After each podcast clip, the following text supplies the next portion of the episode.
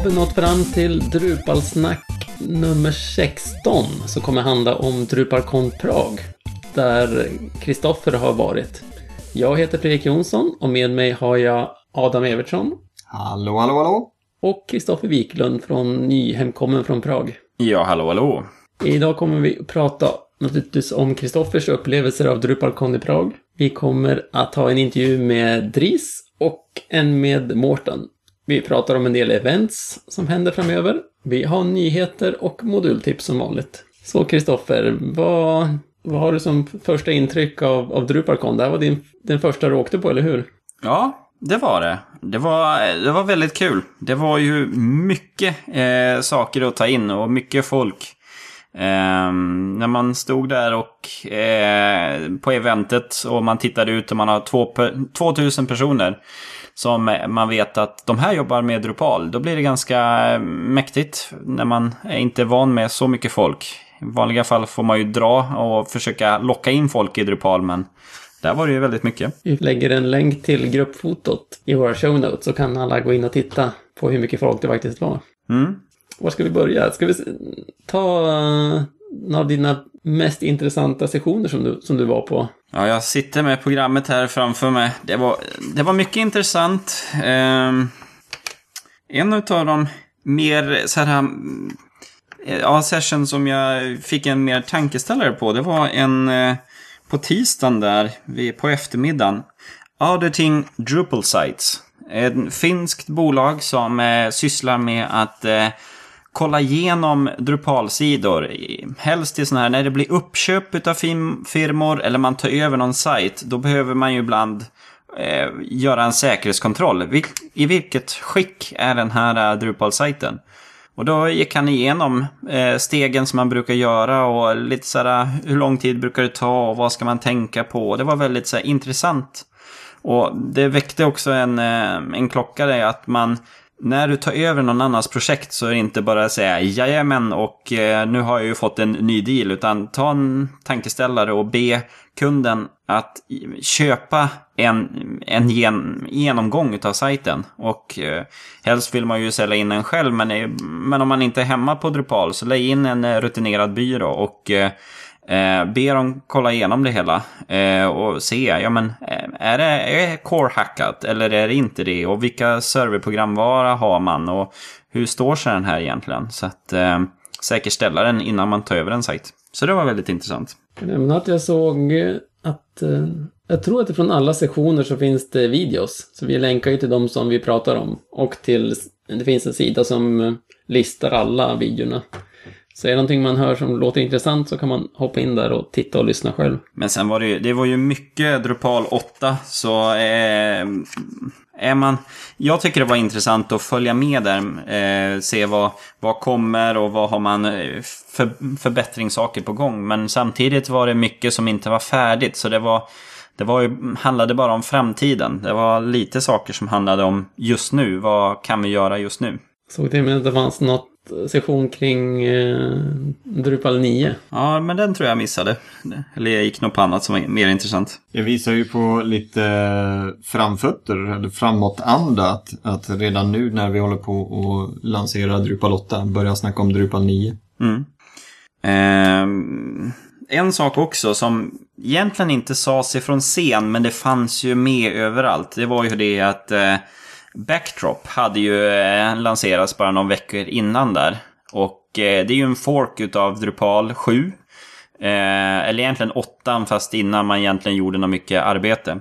Och så det har varit lite snack runt omkring det och Eh, egentligen inte så mycket kritiskt utan eh, han som har gjort det var ju med på konnen där och han, han tycker ju att Drupal 8 ändå är bra men han är ju själv utvecklaren bakom Webform. Så ryktet säger att det är lite för jobbigt för honom att uppgradera det hela eh, från 7 till 8. Så därför gör han en stable 7 så han kan ligga kvar på den. Han har ju en webbtjänst där han kör eh, som, eh, som en, service. Kör webbform så att man kan eh, skaffa ett konto på den webbplatsen och istället för att sätta upp en egen Drupal-webbplats så kan man köra allting på hans, hans tjänst. Precis. Och den kan kanske byggt på massa egna saker på sådär så att det är lite för mycket jobb att, Uppgradera till åttan kanske. Mm. Ja, får hoppas ändå. Webform är ju en av mina favoritmoduler. Eh, Så jag hoppas ju ändå att, att han hittar sin väg in i åttan. Eh, För han är ju otroligt kompetent. Eh, Man kan hitta på mycket kul med, med Webform just när det kommer till formulär och liknande. Men i alla fall, på de här sessions som vi var på, många var ju som sagt Drupal 8 och det är intressant. Allt ifrån det här rest eh, delarna, jag var på en session om det, om hur man kan eh, ha, ha ett fullgott REST API i Drupal och det är mm, tack vare den nya Routing Engine med Symfony i botten så går det väldigt enkelt att lösa avancerade saker. Och eh, Ja, men det objektorienterade, hur det kan förbättra olika saker. Men även, man har ju tittat på det med eh, hur cachning ska kunna göras på ett bättre sätt. För eh, som det är just nu, om du har inloggade användare och de eh, ska få en en, en, en, en notifiering om en kommentar är ny eller inte. Så innebär ju det att varje användare får ju en unik sida. Eftersom eh, det är beroende på om de har läst en kommentar eller inte och när de har läst den och så. I åttan så gör man som så att man eh, taggar upp eh, innehållet med, med en hashtag. Och sedan så via JavaScript så laddar man in om den är en ny kommentar eller inte. Eller man får en lista vilka som är nya eller inte. Och det gör att man kan casha då eh, huvudsidan eh, för alla användare. Och sedan så har man bara enkla JavaScript för att hämta ut vilka som är nya eller inte. Så det möjliggör ju att man får upp sidan först och sen så tar det väl några, någon millisekund och sen så kommer det upp vilka kommentarer som är nya eller inte. Så det är så här smarta funktioner som kommer i åttan som de har demat som är väldigt intressant. Man kan få betydligt bättre cachning för eh, inloggade användare. Det har Ja. varit ett, det är det som har varit prestandaproblemet i Drupal om det har funnits något. Mm. Och även Twig är ju väldigt intressant. Det ju, har ju inte så mycket med prestanda att göra utan det är ju säkerhet och för att förenkla för, ehm, för grafiker. Jag stötte på en, en grafiker som just sa det eh, att ja, men, det här är ju jätteintressant och blev introduceras till SAS och Kompass och hur det fungerar och att så här, mm, en, en mycket större eh, möjlighet och enklare att jobba istället för att behöva lära sig POP med variabler och for-loopar som är, är lite kryptiska om man inte är van programmerare. Med Twig tycker jag det känns skönt att man... eh, Det kommer inte längre att vara möjligt att stoppa in en massa POP-funktioner i temat. Mm. Man hindrar folk från att skjuta sig själv i foten. Kanske på mindre jobbiga webbplatser att tvätta upp framöver.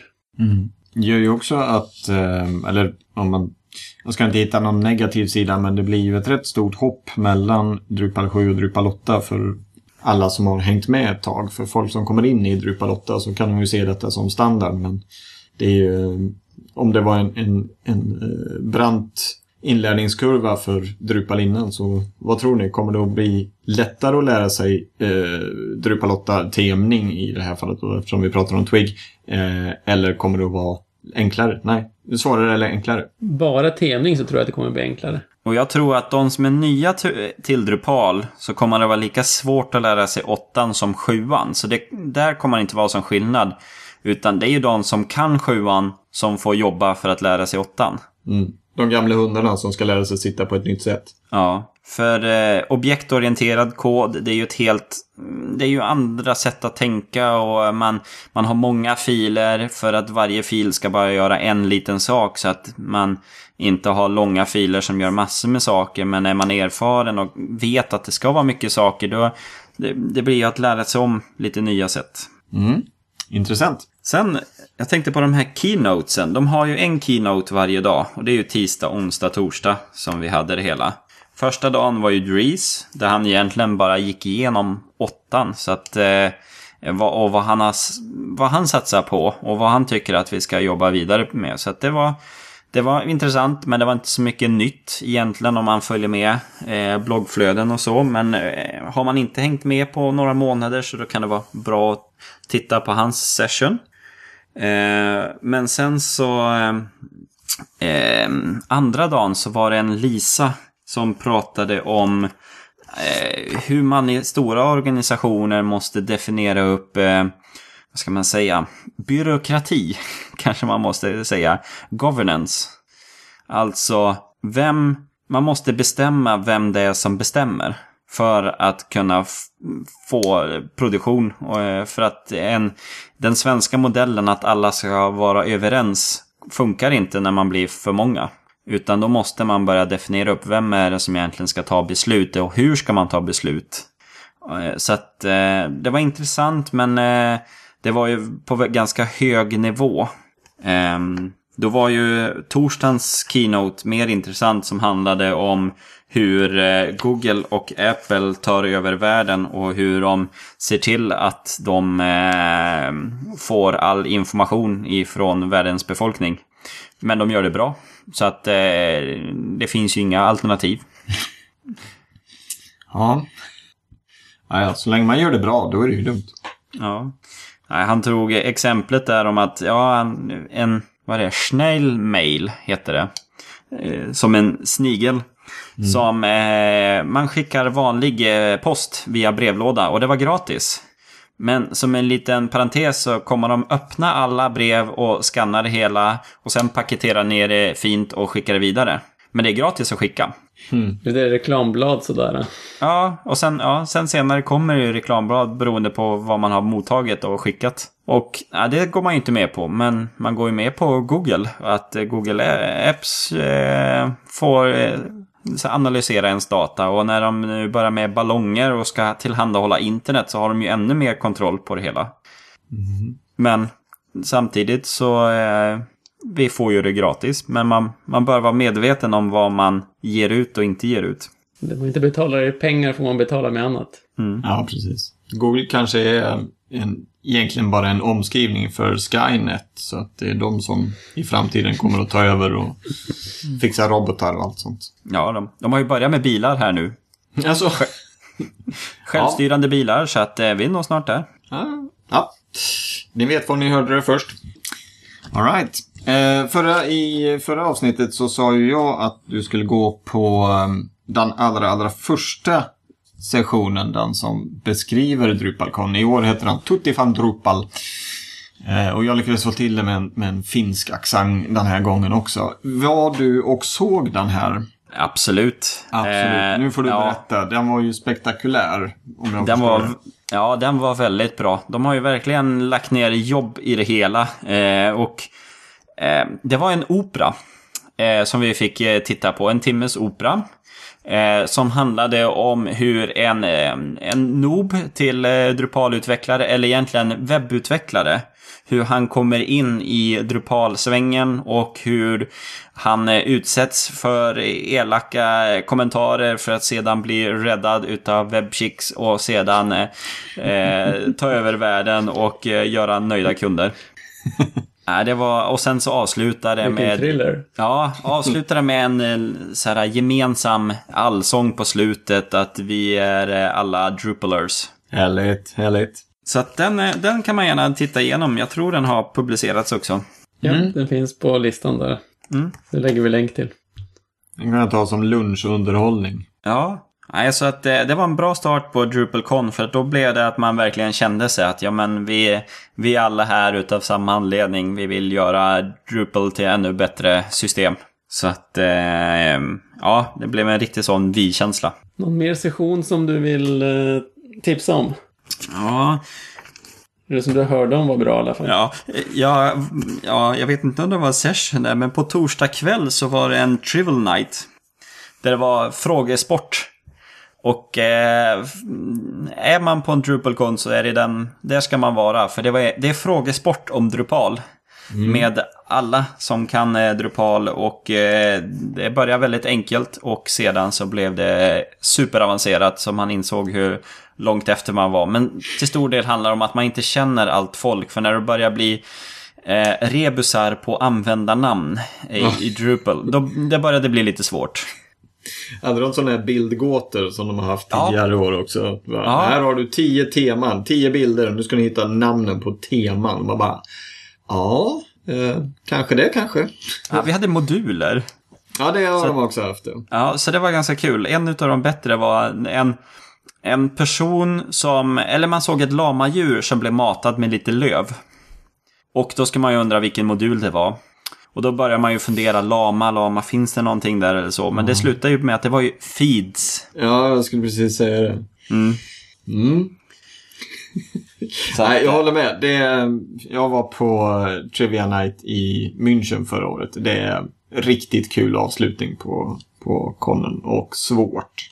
Mm. Ehm, men i alla fall session, eh, torsdagen där så finns ju på morgon Standardization, The Symphony Way. Där var det en symfonikille som pratade om deras komponenter och eh, lite grann varför det är bra att hålla en standard och hur de tänker. Så det var intressant att få lite sån överblicksbild över Symfony. Och eh, jag har ju märkt att jag har ju varit i princip på bara kodning och development-passen. Eh, för det var de som man just då kände mest intressant. Var det någonting i efterhand som du tyckte att du missade?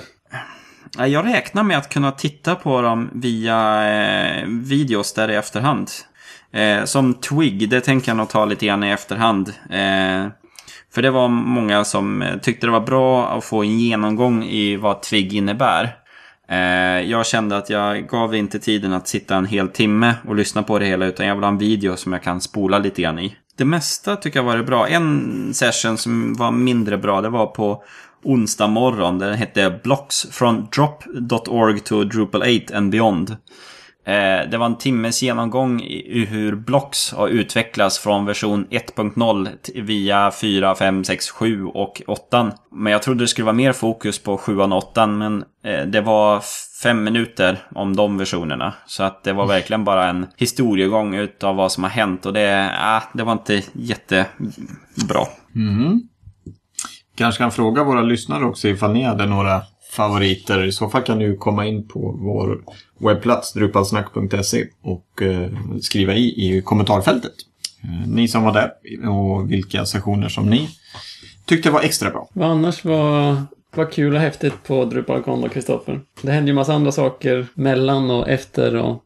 Ja, jag var ju inte på någon boff. Så att, eh, för de var ju under sessionstiderna. Och på kvällarna så var det ju en del ölvändor och sånt. Så jag var ute och träffade lite, lite folk från Umeå som var nere också. Så att det var trevligt att gå ut och äta mat. Och, eh, men jag var inte... Jag var inte ute längst. Man skulle hängt med danskarna. Då fick man vara ute till eh, 3-4 på natten. Men eh, jag gick nog och la mig runt 12-tiden där. Så att man fick komma upp och äta frukost och vara med på session. Men sen fredagen så var det ju en sån eh, Code Sprint-dag. Så det var väldigt intressant. Eh, då var vi, ja, vad kan vi vara det? 100-200 personer som satt och kodade för eh, Drupal 8. Och de hade någon, ja, 30 frivilliga mentorer som var där och tog hand om oss. Eh, Allt ifrån de som var helt ny och eh, fick hjälp med, med issue-kön och git.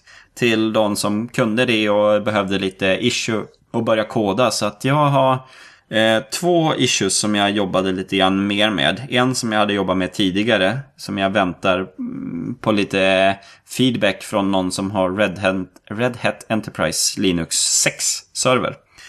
Och sedan så är det en issue här nu med objektorienteringen kring en entity som heter Breakpoint. Som har med teman att göra.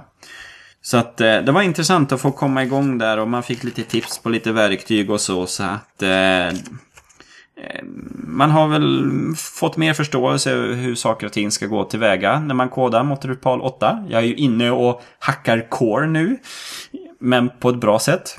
Eh, däremot så inser man hur, eh, hur komplicerat det är här med, eh, eh med beslut. Vad, eh, vem tar egentligen beslut om vad som ska in i Drupal 8? Eh, och vem ska tycka vad? För att jag börjar fundera, ja men det borde vara bra med lite tester här för, eh, för att vissa funktioner inte definieras. För det står i en kommentar att de här funktionerna behöver inte lagras. Till exempel ett ID på en entity. Det finns redan en ID-funktion. Då behöver man inte skapa en get-ID och man ska inte skapa någon set-ID. Men vem tar det beslutet och lite sånt. Så att eh, ja, det var det intressant att få lära sig sånt. På, komma in i Drupal-utvecklingen lite mer och inse att det är ju en, det är en levande produkt. Det är inte något statiskt som eh, man bara köper in eller eh, tar in utan det går fullt, mm, fullt väl att påverka. Du hann ju med att göra lite intervjuer också. Både med Dries och med eh, Mårten. Ja, jag hade som mål när jag åkte ner att jag ska eh, intervjua Dries och helst eh, någon till också framstående person. Så att jag, jag, eh, jag tog mod till mig och gick fram till Dries och eh, han bodde på samma hotell. Eh, det här rekommenderade hotellet. Så att eh, jag frågade honom på morgonen och han sa ja men det, eftermiddagen passar bättre. Och sen så gick jag då till Aqua båset och eh, mm, fick tid att prata och då gick vi undan till ett grupprum. grupprum. Så att jag har ställt lite olika frågor om, eh, om, om, vad han, eh, om hans roll i, i Drupal och hur han ser på utveckling och framtid och hur det har varit. Så att eh, den, intervjun är ju på engelska så jag lämnar väl över till mig själv så får vi lyssna på den. I will start and Sure. say Yeah. So hello, Dries. Hello. How are you? yeah, very nice. How are you? I'm doing very well, thank you. In the middle of the DrupalCon. In the middle of DrupalCon, this is uh, you know day two in a way. In a way, it's also day five because I've been here a little before that for other meetings. Yeah. But uh, so far, it's been a great DrupalCon. Lots Yeah. of energy and lots of momentum. So Yeah. Um, do you have any message for the Swedish community? Ugh, um, let's see. You know, we're we're in a we're in an interesting phase of the Drupal 8 development cycle, um, where most of the features and functionality made it into Drupal 8 core um, in, in the base platform. But now we need to do, you know, cleanup. We need to make it faster. We need to make it easier to develop for for developers, and uh, you know, we need your help. So uh, this would be a great time to to join and to help us make Drupal 8 a great release. Yeah.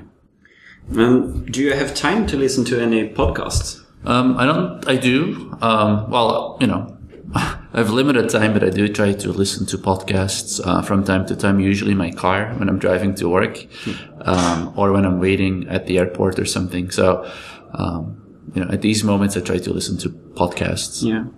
Are they Drupal focus or are you expanding and listen to other things? Um, I listen, you know, definitely listen to Drupal podcasts, but also like to listen to um, audiobooks, for Yeah. example. So it's a little bit of everything, but I, I like the format. Yeah. Um, I love music as well. So, um, but when I'm not listening to music, it, uh, you know, I'm happy to listen to these kinds of things. Yeah. And uh, you started the Drupal platform. And how was it in the beginning when you started coding it? What was the purpose for it? Yeah, um, you know, I started it on my own, and uh, I was just sort of scratching my own itch, if you will. Um, I needed a message board so I could exchange messages with my friends uh, in my dorm room. At the same time, I had been building websites before um, in uh, DCL Tickle and, and Perl. Uh, you know, PHP and MySQL were kind of the new kids on the block uh, new technologies and I was intrigued by them. And so not only did I want to build a message board, but I also wanted to kind of learn about PHP and MySQL as new technologies. And so I decided to build a message board in PHP and MySQL and kind of expected to, to work on that a couple nights or maybe, you know, uh, a handful of evenings. Uh, but ended up working on it for 13 years. So the beginning was just me having fun and, and building sort of an experimental platform. Yeah. How do you see it when you compare what we have now what, with what you have done? Do you mm, do you think it's a in big improvement, or do you miss this kind of old uh, system that you had?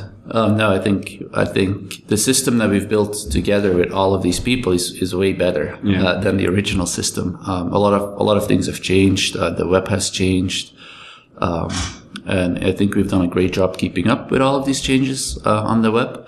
Uh, and I think that's you know demonstrated by the fact that Drupal is so widely used in, in so many different use cases. So it's been quite remarkable to see how um, you know, so many of the people in the Drupal community have taken Drupal and then taken it in their little direction, you know, or taken it into directions that I would have never imagined myself. So, and I think that's wonderful because, um, you know, the impact that Drupal has right now on, on the world, uh, you know, is, is phenomenal. And that's not something that would have been possible if I kept working on it on my own or you know using sort of the original architecture of the system. So yeah, massive improvement. Yeah. What is your idea for the Drupal in five years? Ugh, um, it's hard to predict, right? Um, but I hope that the Drupal community will be a very healthy community, and that Drupal, uh, you know, continues to grow as a project. Um, I think it's hard to predict where the world will be in five years, but I do have a few beliefs. Um, I think there's a lot of big trends right now. Mobile and social are two examples, but I think they're all part of a bigger trend, and that trend is is moving um, the core of an organization's business uh, digital or moving it online. Um, and I think that means you know you need to embrace social, you need to embrace e-commerce, you need to embrace mo- you know mobile. Um, and I think Drupal is at a unique um, time and place where it can be um, the right tool uh, to do that. And so my hope is that in five years from today, that Drupal is at the center of that sort of mega wave that encompasses all of the other waves, and that we help organizations make the shift to digital. Um, and that's very exciting because I think it's very empowering for uh, specifically for small organizations Yeah. um, because you know to do social and to do mobile and to do e-commerce and to do all sorts of integrations with other systems um, like a CRM system or what have you. Uh, it's a lot of technology and uh, the proprietary competitors are charging a lot of money to do so. And so in many ways, um, I feel that Drupal democratizes these tools and that it gives small organizations, you know, a large voice and enables these small organizations to do a lot and to really leverage the web. Uh, because I think the full potential of the web um, is not to share information, you know, which is what it has been traditionally, um, and that has been changing. And I think the future of the web is, um, you know, it's really rich experiences for visitors, and um, you know, I'd love for us to be to be part of that, and that means we have to do well with all of these other waves, mobile and uh, social integrations, and you know, integrations with third-party systems, and all of these things. So we have to keep innovating as a community. Um, so I hope we- we're able to do that, you know, uh, because if we do, we'll be we'll be at the right time um, and at the right place in five years, just like we are today. Yeah, and I can really see how small organizations are starting to move their um, processes into the web uh, system. They uh, they don't have a program for handling their flow, but with Drupal it can Right. uh, enable it. Yeah, Drupal has grown a lot, right? And it's become a real, um, a real great framework for building these kinds of, uh, you know, applications or, or, or rich websites. Yeah. So, Um, what kind of people do you want to kind of uh, flirt with to get into the Drupal community? Is it more developers or? um, you know, I think we need a lot of different kinds of people. Um, you know, I think traditionally, um, we were born as a developer only community. Um, and it's still very important to attract more new developers to the project because um, we have a lot of work to do. Uh, but at the same time, we also need to attract, you know, designers and themers and, and project managers and people that are willing to provide support in our forums and help others and, and people that are evangelists that write about Drupal and promote Drupal, um, all the way to entrepreneurs, you know, people that start Drupal companies. Because at the end of the day, a lot of us that contribute to Drupal, um, whether you're a developer or a themer or um, you know another kind of contributor, many of us are being paid by you know Drupal shops, and so you know creating more Drupal shops and growing these Drupal shops is also very important because it actually helps Drupal grow, and it helps uh, you know organizations adopt Drupal. And so we need more of all of these people, um, and I've always described that as creating a well-rounded ecosystem. Yeah. you know, and a well-rounded ecosystem means we have, um, you know, we represent all of the different um, contributors. Yeah. Um, so, And now, when we have this big community, uh, you sometimes is kind of put in a place where you are the um, grand leader and everyone has to obey you or I see notes that they are trying to make this Greece day at your birthday and so on. Uh, do you see yourself as the leader or do you see yourself more as a shepherd that is kind of just putting everyone together? Um, it's a it's a good question. You know, I do see myself as the leader of the Drupal project. Um, you know, but being a leader means many different things. You know, it means, you know, I try to inspire people. I try to paint a picture of where we can go as a community. Um, I try to promote the, great work that all of the people in the community do. I think that's also part of being a leader. Um, I try to help with architectural direction, uh, still review patches and uh, help figure out which features we should add into core. I, you know, every year I talk to thousands of people about how they're using Drupal and, and what they're struggling with. So, uh, you know, listening, you know, to developers, listening to, um, you know, content creators, listening to large organizations, to small organizations, try to listen to a lot of different people and I try to distill that feedback and to translate that into a direction.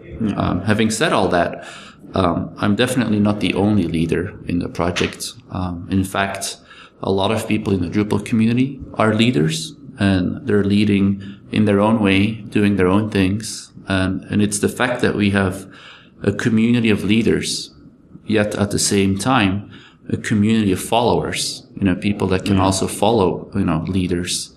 Um, and that interesting balance between that, you know, being able to, you know, agree to decisions being made, yet at the same time being able to make decisions, um, I think is, is why we're successful as a project. Yeah. So yeah, I do, you know, I do think of myself as the Drupal project lead. Um, you know, Yeah, and it was very interesting the keynote this morning by Lisa and talking about governance, how it is important to have laws and rules in order to enable people, and it's also uh, enable mm, creative work that is um, something good from it. So I Yeah, I mean, governance is, is interesting, and um, you know, when you're small, you don't need a lot of you know formal governance because you can make agreements on the fly. yeah, You know, as you get bigger as a community, these things become a little bit more difficult, uh, and good governance will actually um, allow you to go faster as a project, and will make it easier for people to join. And so it's something that I've been working on quite a bit. Um, I started, um, you know, with the help of others, we created a lot of, you know, governance in Drupal the last 12 months, you know, from how do we manage the Drupal.org website Yeah. to, um, you know, how do we deal with conflict? And so we're, we're working on all of these things to evolve the Drupal governance. And it's, it's difficult because you want to strike the right balance between, um, not having too much governance because nobody really likes, you know, Yeah. being t- controlled too much, yet having enough controls in place, um, such that we can work together, you know, in, in a good way. So, Yeah. Thank you very much for this uh, chat. It was very nice to meet you. nice to meet you uh, well. I hope we meet again. we will. Have some feedback like in five years when it has grown uh, much more. So very nice to talk to you. Awesome. Thank you very much. Yeah, thank you for your time. Och efter den här eh, intervjun med, med Dress så har du ju ytterligare en intervju som du fick med eh, Mårten DK från eh, Danmark. Ja. Eh, Mårten var ju invald i Drupal Association i under ett år. Och eh, Eh, då tänkte jag jag ska ta och intervjua honom och eh, se hur hans år har varit och eh, vad han har gjort och hur han ser på framtiden på det arbetet och överlag. Så att han är ju en ganska glad dansk, men vi höll intervjun på engelska för oss norrlänningar som har svårt för danskan. Och eh, sedan... Det är nog inte bara norrlänningarna som har svårt för, för Mårtens danska tror jag. Nej, men eh, och han är ju ganska pratglad så att han, eh, jag behövde knappt ställa några frågor utan han höll lådan och har, ja, är intressant att höra hans roll i Drupal Association. Och, så att jag lämnar över till mig själv. So, hello, hello, Martin. Hey, Or, uh, no, I cannot pronounce nice, your full name. uh, you don't have to. You don't have to. Uh, Morten Birk Heide Jørgensen. Yeah. Yeah, How are you? I am a little bit tired right now, and um, I'm I'm actually very happy. Uh, I just found out, uh, well, uh, two hours ago that I was re-elected for the Jubal Association board. So um, that's nice to figure out that me sitting on the board for the last year has not been complete waste, and uh, and people apparently do not completely hate me. Um, so that's that's nice, even that I've been out. Um, being very um, firm and and loudmouthed by a lot of things. So um, it's it's kind of good that my or I'm happy that the things I thought that the community were caring about, I kind of at least hit in the same ballpark. Yeah. Um, so Yeah, you thank me. I voted for you. First place. I, have got a couple of people who who send me like tweets and stuff and said I voted for you, and now you owe me and kind of things. I think there's. uh, uh, I actually think there's a couple of sweets I owe, owe some beers actually, and that's that's even worse as a Dane. That's not good. But I just thank you.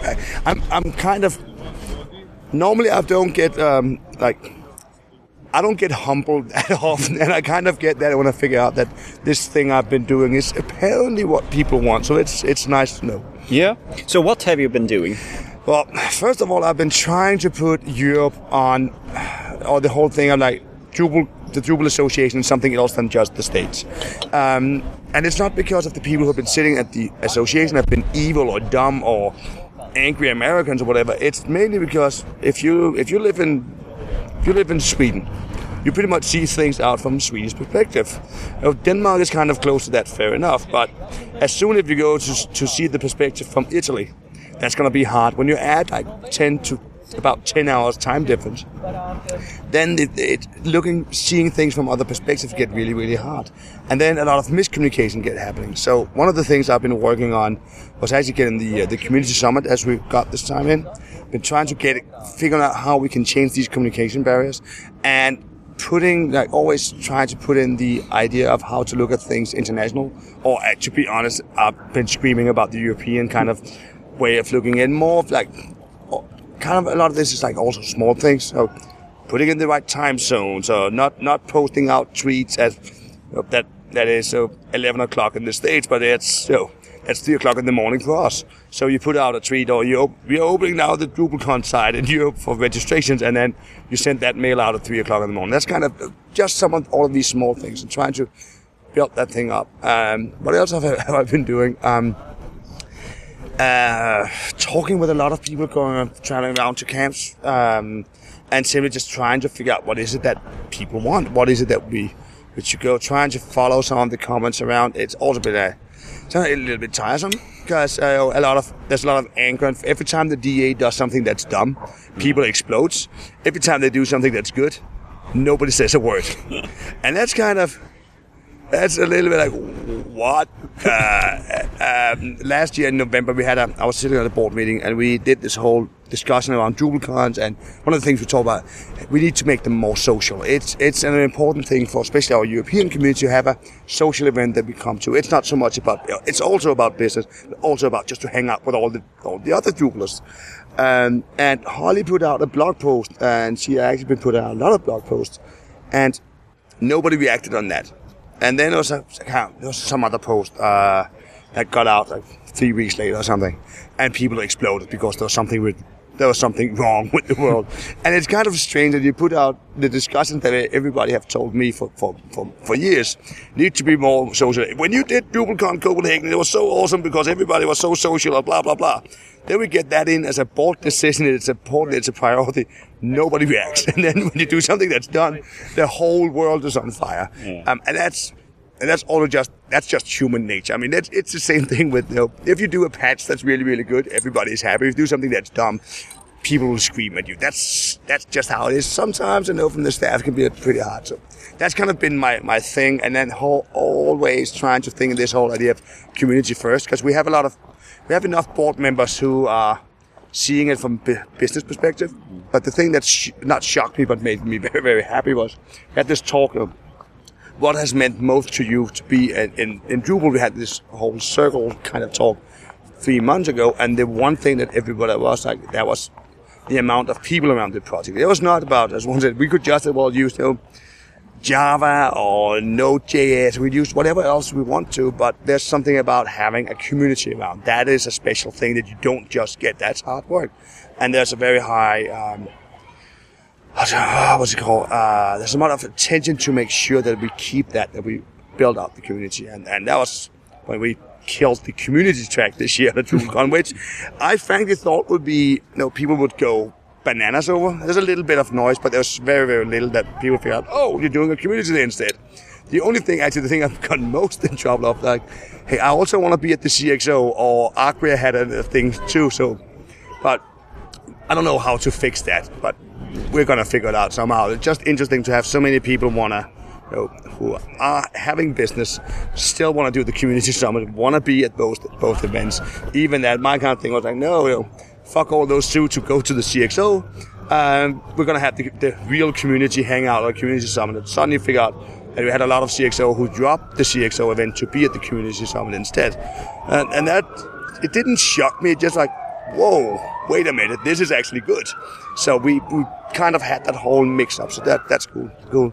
Um, and the thing I've kind of, I actually the reason that I went on re-election this year was last year banging this drum of getting Europe in and getting more of opening up, getting people to believe in the DA, blah blah blah thing. And now I was like, okay, now to be there, let's let's figure out what could be the next stop. And now I was, I'm trying to build up communication network in Europe. So it's basically having three uh, points of contact in each each country. So for Sweden, I was kind of expecting to having Gothenburg, Stockholm, and Malmö. No, you should go with Norland. Norland, yeah. See, because you have me and you have Fredrik there. So you guys need to figure that shit out yourself. We don't want to. So the thing is, we're trying to do is making sure we have a point of contact. That means so we can spread from the Drupal Association can spread the word to the Swedes quickly. Like, is there any also just to get communication up and running between us and the states, uh, the Swedes and the office in in um, in Portland, but also to get you know whatever we're going to do in Europe. I don't know yet what's going to happen there, but we need to have that contact network, and it's mainly just to make sure we're going to have a bunch of people in each country, not only one person like the chairman or whatever, and th- those countries figure it out themselves. So the Swedish community is going to figure out, okay, who's going to take care of that? Who's going to take care of that? And just making sure they have some people who can we can reach out to, they can push stuff back again. So um, and as we as we talked about during the summit, like somebody like, how do we elect these people? Like, I don't know. That's not my headache. I mean, in the Danish community, we pretty much know who should be these people because they are the most active. They have the finger on the pulse, and that's kind of the thing. So it's not a it's not a position of of oh, you get more power. No, it's it's a straight up work position of making sure that we can reach out and at, at the same time also can make uh, communication between. You know, so I know as a Dane, uh, hey, we're gonna do a camp the 8th and 9th November, by the way. But I can make that thing and I can, I know who to contact in Sweden because I have that list and we can like get that push around instead of me be like, oh, let me see, who do I have somewhere here? I Can't find the data and then communication never happens. That's just, just dumb. Yeah. So, um, it's kind of that way. And if we end up having those 200 people who want to be that, that's, I don't want to decide over it. We just start from one point and then we're going to figure out what happens. Uh, it's probably maybe it's going to be exploded, maybe it's not. So Yeah, it's a great idea because now when you uh, promote the Danish camp or um, what do you Copenhagen or Drupalhagen, uh, Yeah, not only yeah. Copenhagen but Drupalhagen. Drupalhagen, and uh, you posted in the Swedish forum. Yeah. and I think people read it, but not every people that develops Drupal is hanging around in the. in that forum. No, and Yeah. we don't know who. I don't know who to contact. Well, I have a bunch of Swedes that I know I could contact. I'm like, where do I put this information out so I make sure that that they know that they should spread the word or figure out how. And that's also another thing we don't have because each group do whatever they want to. So we don't know if I don't know if the Swede. Well, they have to. You're, you're using groups a lot. Us Danes don't. We use. It's kind of. It's all dependent on which group, which community, how they do that. And well, I say, well, you have Gothenburg who do their camps. You have Stockholm who do their camp. Nordland doing their camp. You know what? It's there's a ton of different groups who want to do different things. And and my opinion is just about to make sure that we don't try to force uh, the Drupal Association way down into anybody's throat. If if the Drupal Association can help out, good. But uh, it's a we're doing grassroots work. Just a bunch of nerds who want to create something that's bigger than you know, writing a little bit of code. Um, so how just making sure that we can do that without anybody feeling like the Drupal Association come and tells me what to do. No, we don't care. I mean, create, do stuff. That's the that's our hope. Yeah. So that will be the future work for you in Yeah. DA then. And have you seen any changes in the number of people active in the Drupal Association or um, the membership? uh, No, the, uh, the membership have been a little. Uh, we got a little bit more members, but there's not really been a membership drive. It's, I think that uh, it's not a thing that's been so much focused on. It's more getting the Drupal cons to work, getting D.O to work. That's kind of a thing that uh, now we're hearing people like, "Hey, we're gonna move it all to GitHub, do all this, do all that." It's everything is wrong. So that's a thing we've been using a lot of time on, a lot of discussions. Um, and decision making and looking at very very big numbers on papers because D- the D.O website is huge and um, there's a, needs a lot of work. We have not done enough on that uh, as an association. Uh, a lot of this work has also just been like put on the shoulders of community members, so people are getting tired and kind of need to rethink it all. It's kind of, kind of feels like like in the whole Drupal community, we're kind of a, in a reboot phase right now, like trying to figure out better resources, doing it better um, in, in many many ways. So it's it's exciting, but also a shit ton of work. Yeah. And your kind of your focus in, in Drupal coding is theming. Yeah. You only in theming. Only I am. I can say with a great pride, I've been building Drupal sites since seven years. I've written so far three modules, and one of them was a style clock into panels. That's it. Uh, everything else I've built from the ground up. Um, and I, I actually came from kind of this crossover background being front end, back end kind of thing. And the reason I jumped to Drupal were, okay, I'm not the best developer in the world. I don't, I'm not that smart with databases and security and all that thing. I can get the stuff to work, but it's kind of with duct tape and a little bit of string over there, and it, it doesn't work out. Where I came from and what my passion always been is you know, clean, clean markup and doing designs, and combining these two things, designing and markup, uh, getting that thing to work. Getting stuff to work, I think, is fascinating. Like any nerd, like tinker a little bit, like whoa, look at this, and then make it pretty as well. That's kind of my my next thing. So I've just been trying to put focus on front end for years and years and years, and went from I was trying first to be like, hey, I can show you this code and it's so much better than that code, and then I figured out that you know, developers generally don't care about how stuff looks. Like, what's the big deal with that? It's just five pixels to the left. And that makes any front ender go complete like, what the fuck? This is wrong all over. Or too much markup, the widgets that Drupal had, the class naming and stuff. So I've been pushing hard for a bunch now to get people going, people uh, finding the right people to talk about this, finding the right those who who want to do design, who thinks these ways, and want to have like clean ass markup and that that thing. And that begins to look now is finally going to happen. That we're going to have um, the new theme layer in Drupal 8 trick, which I am extremely excited about because it's kind of beginning to be a tool where we can take people who don't know Drupal, don't know PHP, don't know anything, and give them complete control over the markup and as the whole output. So a developer doesn't have to think about that ever again. It just put out the stuff to those theme boys on the other side and get it done. Yeah. And I, I, I know that people are talking about configuration management, and all kinds of things that's going to be great in Drupal 8, oh, and Symfony and blah blah blah. Honestly, I don't care.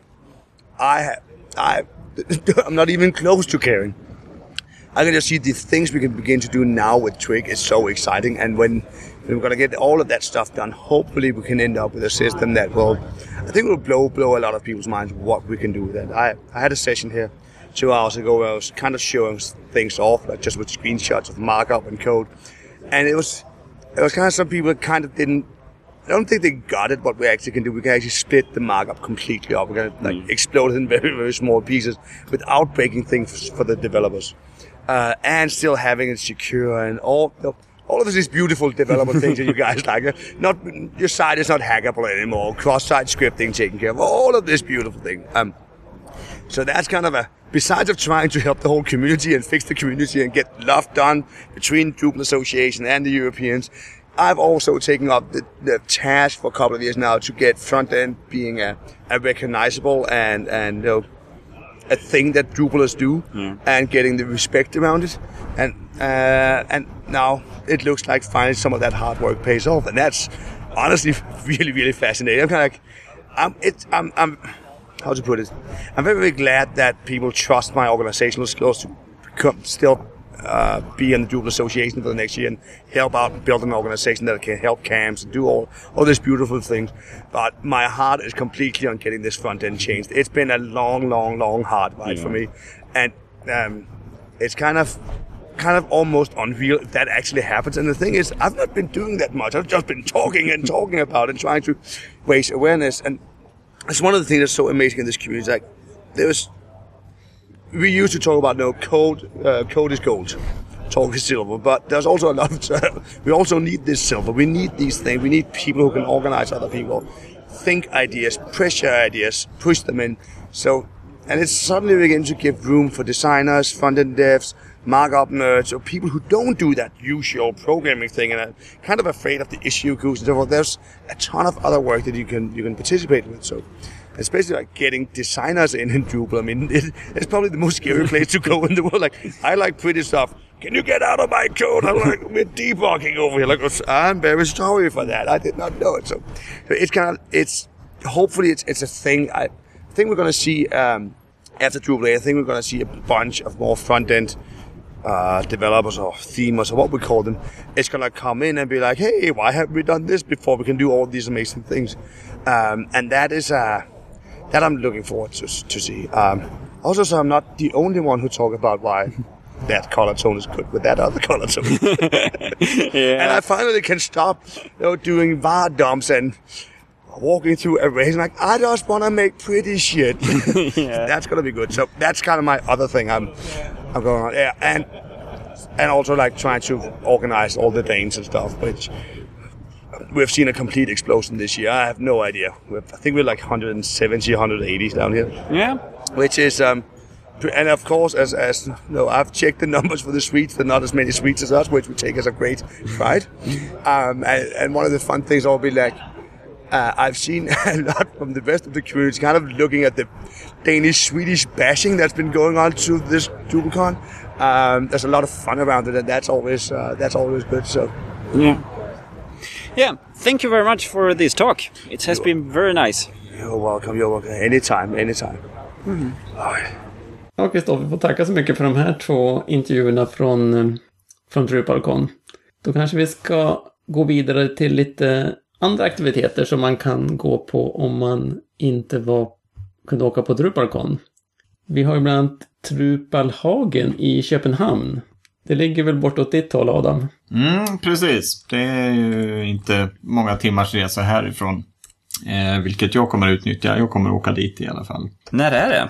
Det är den 8 till 9 november. Eh, fredag, lördag om jag inte är miss, eh, felunderrättad. Eh, så ska de köra ett litet eh, Drupal Camp. Och eh, som vi hörde i intervjun så är ju Mårten pratglad och glad. Så att, jag tror att det här kommer att bli en rejäl upplevelse. Kanske inte så social som Drupal Drupalcampen, eller förlåt, Drupalcom Köpenhamn var. Men inte långt därifrån i alla fall. Det har inte kommit upp så mycket information om vad som kommer att finnas där. Men jag tror säkert att det blir en intressant eh, Drupal Camp. Vi lägger naturligtvis in en länk dit också. Och sen har vi en Drupal Camp i vårt andra grannland Norge, så i Oslo. Har du någon info om den också, Adam? Det är väl är också nära dig? Ja, precis. Det är ungefär lika många timmar fast åt andra hållet. Eh, där har de eh, lagt upp lite, lite mer i alla fall. Jag ska se ifall det har kommit eh, några fler uppdateringar här. Vi se här på sessioner. Jo då. Eh, de har fått till en, en 8, 9, 10 olika varianter. Det är allt ifrån organic groups till eh, automatisering med views, eh, drush för begynnare och eh, det var något som eh, Kristoffer Jäger skulle hålla. Just det, Configuration Management i Drupal 8. Eh, det var en av de första som eh, dök upp så de har nog eh, legat framme där och eh, frågat Kristoffer om han inte kan komma dit och eh, hålla den. Så den kommer jag definitivt att gå på. Det ska bli jätteintressant att få lära mig mer om CMI, Configuration Management Initiative. Eh, det är den 16 november. Det är helgen därpå efter Köpenhamn. Så det blir mycket åkande här. Hur är de här? Kör man mest på danska respektive norska här eller är det engelska som rakt igenom? Eh, I Danmark vågar jag inte säga något. Eh, jag har inte någon annan information än ett datum än så länge. Jag, jag skulle tro att eh, det blir nog 50-50. Men ja, jag får nog återkomma, vi får se. Det, på den norska sajten så är det mycket beskrivet på norska. Så att vi får väl se. Mm. Att norska är ju enkelt. Så det. Ja, precis. Det, jag tror det, det kan nog vara danskan som jag kommer att ha problem med. Mm. Men vi får väl se. Sen har vi en tredje aktivitet. Det är Symfoni Sverige som arrangerar och det är Tobias Sjösten som har tipsat oss om det. Tobias är ju både Drupa-utvecklare och mycket aktiv i Symfoni Sverige. De kommer att arrangera en, eh, en heldag om och kring POP, så det, inte, det kommer naturligtvis vara en, en del symfoni, men det är ett mer vitt kring POP och det är den 22 november i eh, Stockholm. Så har man minsta intresse av eh, POP och symfoni så då ska man nog gå dit tror jag, den 22 november. Och eh, Drupal-snacklyssnare får en liten rabatt, 5% om de eh, använder en speciell länk som vi lägger då i våra show notes förstås. Det tackar vi Tobias för. Så 22 november om man är intresserad av POP i Stockholm.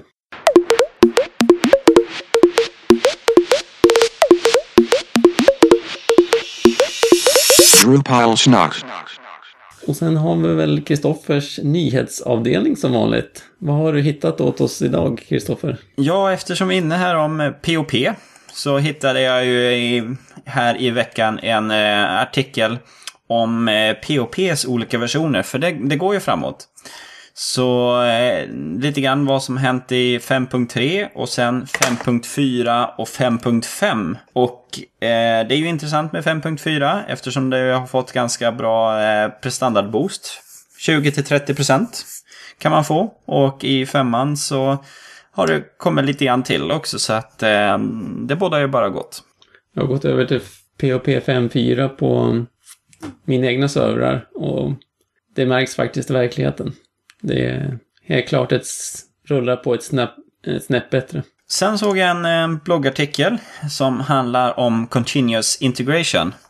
Ehm, och all den problematiken att ska man ha en Continuous Integration med sin kod så måste man ju sen kanske också verkligen kontrollera att ens miljö eh, går att bygga upp väldigt smidigt också så att man inte har skillnader i production och eh, testingmiljön. Så att eh, då kanske man måste ta steget dit. Men eh, äh, det var en intressant artikel. Det är från Linux Journal. Så att eh, den länkar vi till. Sen så eh, vi hade ju den här eh, lösenords eh, problematiken där på Drupal.org. Man hackade ju in sig i servern via någon okänd tredjepartstjänst som inte är sagt. Och eh, då har Holly Ross, hon som är eh, ordförande för det hela, skrivit ett blogginlägg och sagt att eh, tyvärr av eh, juridiska skäl så kan de inte utge vilken tredjepartskomponent det är. Eh, men hon delar med sig utav eh, vad vi kan mm, ta vidare och hur vi, vad har vi lärt oss från det hela. Så det är en intressant artikel, inte så lång. Och när vi ändå är inne och pratar om Drupal Association så Mårten blev ju vald ännu ett år till för eh, att sitta med. Och de har ju, jag länkar här till artikeln där de skriver om också Martin Sanders som blev invald. Eh, det som är lite tråkigt att se är att 0,36 procent röstade i det här valet. 668 personer. Så eh, det är inte så många som röstade i det valet för Association. Röstade ni, Adam och eh, Fredrik? Jajamän. Jag brukar alltid göra det, men jag lyckades missa det den här gången. Ja, det var ju bara sex dagar man hade röstningen öppen. Ja, jag röstade också, så det är du och jag Adam som står för eh, en del Nå, någon promille där. Ja, Ja, så är det. det är, om, om det är någonting någon kanske kan jobba vidare på så är det väl att få upp röstningen. Men eh, det är, av, av erfarenhet så vet jag ju att folk är inte så informerade om Drupal Association och eh, ja, har andra intressen helt enkelt. När vi pratar om Drupal Association så eh, just det med att man, av juridiska skäl så kunde de inte ange vilken tredjepartsgrej det är. Det har ju varit en del andra saker kring eh, turer kring anställningar på Drupal Association och sådär. Där det har varit lite, för oss europeer, mystiska turer. Mm. Jag tycker det är en av de negativa sakerna med att DA ligger i USA idag. För när det gäller juridik och USA är det ju ett kapitel för sig. Jag tycker när jag håller på med kunder i USA också att det, mm, det är ett mysterium för oss europeer tycker jag hur de... um, Man, ska man vara amerikansk ska man vara advokat tror jag. Mm. Men det känns det skönt med Mårten där i alla fall. Han, Verkligen. han kan i alla fall sätta fokus på Europa. Han är inte rädd att sätta ner foten heller. Modultipsen. Ja, jag eh, dök på några tips här nu. Eh, en, första här var en eh, artikel som eh, tog upp sex tips för att eh, förbättra för eh, content managers.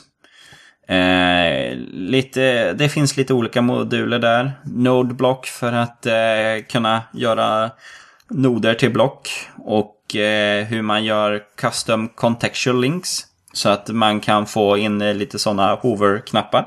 Och ja, men lite grann eh, administration view så man förbättrar det. Så att det var lite bra tips. För de som är nya kan eh, läsa den eh, bloggartikeln då. Eh, så det var det ena. Sen eh, nästa som jag läste, det är ju det är ingen ny modul det, det är rules. Men det, det som däremot är intressant är vad som kommer i den nya versionen utav rules. Och hur man förbättrar regler. Eh, för vissa regler kan vara lite krångliga. Eh, för om man, om man får in ett nodobjekt så kanske man, är, man, man kanske vet vilken typ den noden är. Men för att verkligen kunna använda ett fält så måste man lägga till en mm, krav, eller vad heter Condition, det? ja. Ja, condition. Att eh, den här noden har det här fältet. Men med de nya eh, rules-uppgraderingarna så blir det lite bättre eh, och lite, lite enklare att jobba med det hela. Så att det är bra förändringar. Intressant, det måste jag läsa. Ja, och det är ju Fluxkraft som ligger bakom mycket av den här nyutvecklingen.